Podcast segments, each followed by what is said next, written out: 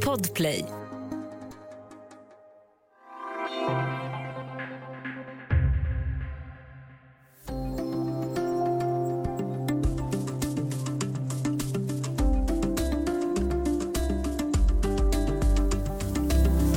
Fler ställen, ja massor av nya ställen har öppnat och många trender har kommit och gått sedan DNs krogkommission började dela ut priser till de allra bästa restaurangerna. Gulddraken har fyllt 20 år. Men hur ska en krog vara för att bli belönad? Och måste den vara så dyr? Välkommen till Studio DN. Jag heter Sanna Thorén Björling.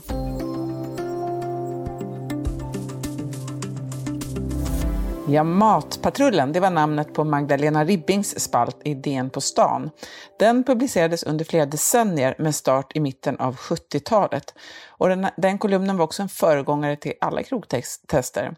Eh, för den som inte känner till Magdalena Ribbing så var hon en på många sätt väldigt fantastisk person. Hon var politisk reporter på DN men skrev ju senare också massor av böcker om vett och etikett.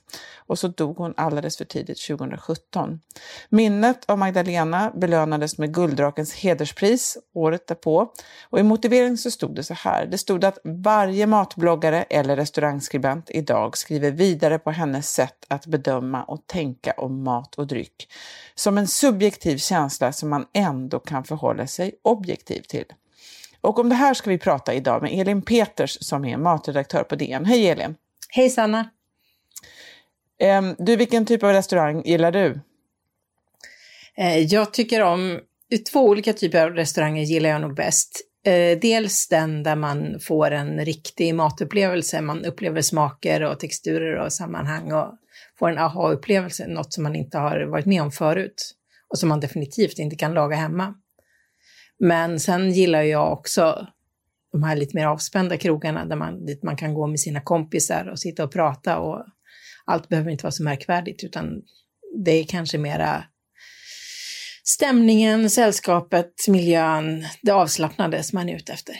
Mm. Hur har du hanterat det senaste året då, rent krogmässigt? Vi har ju dragit ner på vår krogbevakning helt och hållet, får man väl säga, i, på DN under den här perioden. Av flera olika skäl. Det handlar ju dels om att inte utsätta medarbetare för risk att smittas. Men det handlar ju också om någon sorts ärlighet mot de som man testar.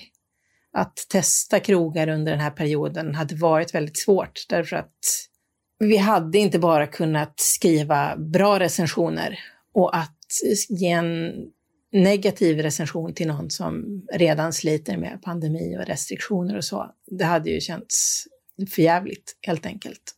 Mm. Så det var flera anledningar till att vi har valt att hålla igen. Stockholms krogvärld är ju eh, verkligen en värld. Eh, om man går tillbaka då till när det här började, Magdalena.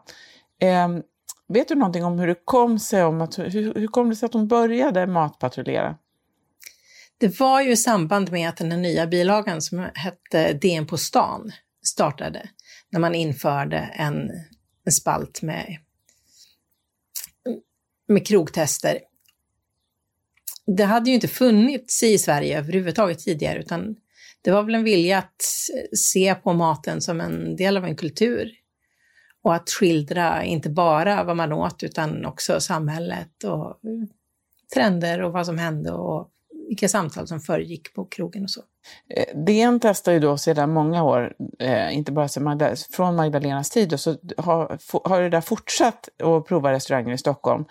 Och sen 20 år så delas pris ut. Vi återkommer ju till det. Men eh, om du först, Elin som är matredaktör, hur går DNs krogtester till idag? Vi har en patrull som består av en handfull medarbetare. De är fast anställda på tidningen allihopa. Och sen så går jag igenom vilka krogar som är intressanta för tillfället. Det handlar i första hand om nyöppnade ställen. Men det kan också vara gamla ställen som har bytt ägare eller som har, där man har hört att de har ryckt upp sig från att ha funnits länge men varit lite trötta och sådär. Så sätter jag ihop en lista över ställen som behöver testas och så går vi dit vid två olika tillfällen anonymt. Två olika personer som har med sig sällskap och försöker göra det som ett så autentiskt krogbesök som vanligt. Man äter och dricker, testar förrätter, huvudrätter, desserter, prov, dricker även vin därför att det är en, en viktig del i restaurangupplevelsen, hur, vad det finns för utbud. Inga stora mängder naturligtvis, men för att ändå kunna göra en rimlig bedömning som, som vilken gäst som helst. Och sen så vägs de här bedömningarna ihop och skrivs ihop till en gemensam text. Så det är flera avsändare till samma text. Mm. Det här att det är hemligt vilka som ingår i den här krogkommissionen, varför är det så viktigt? Det är viktigt för läsarnas förtroende för oss. Så att de aldrig ska misstänka att vi har fått något gratis eller fått bättre service eller känner krögaren och därför får lite fördelar och så, utan att vi ska vara precis som vilka gäster som helst. Ibland kan man ju tycka när man går ut att många restauranger är, är väldigt dyra. Eh, kan man, eh, vad är det som bedöms? Måste det vara dyrt för att, för att bli bedömt eh, av krogkommissionen? Eller kan man liksom köpa sig till den här kvaliteten? Så det finns, vi tittar ju också lite på prisvärdhet. Att man, att man får en rimlig upplevelse i ut, utbyte mot de pengarna som man lägger ner. Så en, ett billigare ställe kan också få högt betyg. Men det är ju svårt för ett ställe som är budgetställe att liksom få en femma därför att då krävs det ju väldigt, väldigt hög nivå på maten och det brukar kunna vara, även om det är mysigt och gott och så, så brukar det vara svårt för de enklaste ställena att leva upp till det. Eh, och då kommer vi till det, för de som inte vet det, vad är alltså Gulddraken? Det är ett krogpris vi delar ut i kategorierna krogbudget, krogmellan, kroglyx, kaféer och barer. Så utser krogkommissionen nominerade vinnare som avslöjas under, i vanliga fall, festliga omständigheter och man får pris och alla är glada. Hur, hur gick resonemanget kring Gulddraken? Du var ju inte med när det instiftades, men går det att vara, som vi citerade där inledningsvis, går det att vara både objektiv och subjektiv på samma gång? Är det som att bedöma, jag vet inte, litteratur eller film eller vad som helst som är konst? Jag tror att det handlar om att vara eh, medveten om att man är subjektiv. Mat och smak är ju något subjektivt och det handlar om att registrera vad man själv tycker och sen kanske sätta sig i ett utifrån perspektiv. Och där så tror jag att det här med att vi är en grupp och flera olika som testar samma ställe är, hjälper till väldigt mycket där. För resonemang med andra så tvingas man formulera sig och då blir man också, då blir det tydligare vad man själv tycker och vilken inställning man har. Så det kan, ja, den här gruppen kan faktiskt hjälpa till i det här att vara objektiv men subjektiv samtidigt.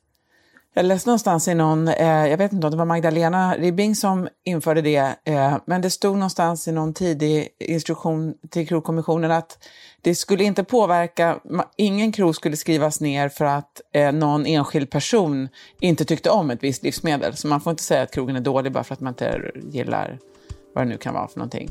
Nej, verkligen inte. Vi ska alldeles strax prata lite mer med Elin Peters.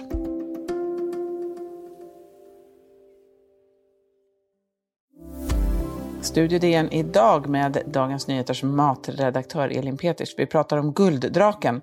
I år blev det ju ingen vanlig prisutdelning då på grund av pandemin. Ehm, jag vet när det där började, för då var jag reporter på På stan. Då åkte dåvarande redaktören för På stan, Viggo Kavling, runt med en jättestor gulddrake som jag tror var gjord i skumgummi och sen klädd med något guldfärgat tyg.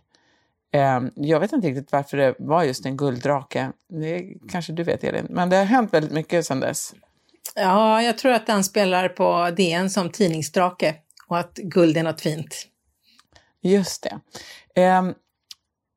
Krogkommissionen har ju då i ett reportage eh, häromveckan listat några saker som har förändrats i Krog-Stockholm sedan eh, Guldraken eh, instiftades. Och en sak är ju utbudet. Eh, på vilket sätt har det förändrats? För 20 år sedan var det ju en finkrogscen på ett lite annat sätt.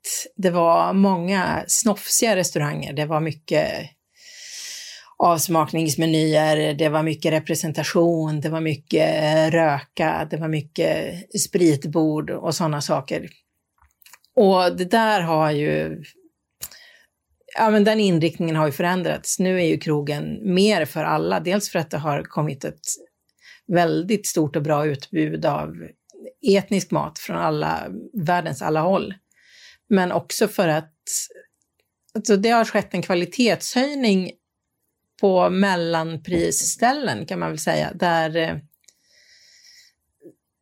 ja, men där det är billigare att äta riktigt bra och det är samtidigt mer avslappnad miljö. Så att, jag tror att det är fler som trivs och känner sig lite hemma på krogen än vad det var för 20 år sedan. Mm. Hur står sig Stockholm då i jämförelse med andra eh, storstäder internationellt? Eh, Stockholm står sig bra. Det får man ändå säga. Det finns ju, alltså i jättestora städer så finns det ju ett enormt utbud och många av de riktigt stora städerna kan ju också ha billiga krogar på ett sätt som svenska förhållanden inte riktigt medger. Men alltså kvaliteten på Stockholms krogar står sig väldigt bra och vi, det är en intressant matscen där mycket händer och vi ligger i framkant. Mm. Det går ju väldigt mycket trender, ehm, men om man hoppar tillbaka då de här 20 åren sedan dess, kan du säga någonting som vi nästan har glömt bort att, att, att vi att dominerade under den här tiden? Liksom några råvaror eller några knäppa flugor? Alltså jag skulle vilja säga ärtskott. För det tycker jag är typ en av de tristaste trenderna som har varit. Men tyvärr så lever den... Jag kan inte säga att den trenden är död. Den är kanske död i, på mellanpriskrogarna i city i Stockholm, men den lever vidare stabilt runt om i landet. Vad är poppis nu då? Det känns ju när man går ut som att det är antingen lokalt, ekologiskt och veganskt ofta, eller det också, finns ju också väldigt många hamburgerställen med söt potatispommes. Ja, de trenderna går ju lite hand i hand. Och det är ju roligt ändå att det kan att det inte är riktigt så strömlinjeformat så att det är antingen eller, utan det kan finnas en vegotrend även på på burgarställen. Men sen ser man, ju, det är mycket naturvinsbarer, det är mycket mellanrätter fortfarande, eller var åtminstone innan pandemin när jag kunde gå ut. Vi har ju pratat här i podden eh, tidigare med dig om hur hårt restaurangerna har drabbats under pandemin. Det är ju ett tag sedan vi gjorde det. Men vet du hur läget är nu? Alltså jag har inga siffror, men jag har pratat med en del krögare och den slutsatsen som jag kan dra efter att ha pratat med dem är väl att de som är lite personliga och som har en bra publik, där har ändå deras liksom, kärntrupper fortsatt att, att komma. Så men, mysiga kvartersställen, Eh, ställen ute i förorterna dit, när man inte behöver åka så långt för att ändå kunna gå ut och äta och så. De, det är klart att de har drabbats hårt, men det har liksom inte varit den totala utslagning som man befarade i början. Däremot så tror jag att det är svårare för sådana här liksom, jättestora affärskrogar som byggde på, på långa luncher och möten och den typen av saker. De har tappat väldigt mycket omsättning, har jag förstått. Mm. Så man är på något sätt lojal med sin närmaste krog, kanske nästan mer lojal nu, man får som ett stamställe. Men däremot så är representationen nästan borta då? Ja, det tror jag. Mm. Och det där kan ju på sikt bli en bra sak för restaurangerna om de klarar av att behålla det täta band som de har fått till sina kunder i framtiden så är det en win-win för, för båda, både mm. gäst och restaurang. Du är matredaktör och, och journalist inom de här områdena. Eh, internationellt sett så finns det ju väldigt mycket matjournalistik eh, på ett sätt som är ofta en nivå som inte, eller en variation kanske som inte finns i Sverige. Vad tycker du är inspirerande? Eh, jag tycker om att läsa om mat i sitt sammanhang som, en, som ett uttryck för en kultur och eh, hur människor använder mat och dryck för att umgås, för att befästa sina värderingar, vad det är för... Ja, man kan ha det som maktmedel eller påtryckningsmedel och sådana saker. Det tycker jag är det ger mig mer än att se liksom en snygg uppläggning eller ett härligt recept på något gott. Mm. Jag vill förstå lite mer. Men eh, det finns ju i Stockholm eh, massor av, av, av, nya ställen då som ändå har vågat öppna under pandemin, trots pandemin. Va, vad hoppas du av sommaren nu och hösten? Jag hoppas att alla de som har längtat väldigt mycket efter att kunna gå ut, men som, alltså, som har hållit tillbaka, känner att de kan gå på krogen som de vill. För det, restaurangerna längtar efter dem och det är ju en social mötesplats på restauranger på ett helt annat sätt än en middag hemma eller ett Zoom-möte eller vad det nu är. Det är något med mat och möten ihop som gör att vi får mera liv i oss och det hoppas jag att vi kan få. Men tror du att vi kommer att komma tillbaka till det här eh, knökade? Alltså längtar folk verkligen efter att, eh, för det kan man ju göra, att stå väldigt trångt och snacka eller att det är stimmigt i en bar och sådär. Eller tror du att, det, att man kommer att vara lite för försiktig för det? Eh, I början kanske, men det tror jag att man kommer att glömma ganska fort. Däremot så tror jag kanske att sådana här saker som att man har lärt sig att man kan gå på restaurang vid andra tidpunkter än bara klockan sju kommer att leva kvar. Kanske lite längre lördagsluncher. Det blir vanligare att man går ut och äter fem och sen är man klar halv nio och kan gå hem. Det är ganska många som har insett att det inte är så dumt också. Och alla kanske tvättar händerna innan de sätter sig till bords. så trodde jag att det redan var. Ja, det trodde jag också, men jag har förstått att det inte kanske var så. Stort tack för att du var med idag, Elin Peters. Tack så mycket, Sanna. Studio DN görs för Podplay av producent Sabina Marmelakai, exekutiv producent Augustin Erba, teknik Oliver Bergman, Bauer Media. Jag heter Sanna Thorén Björling.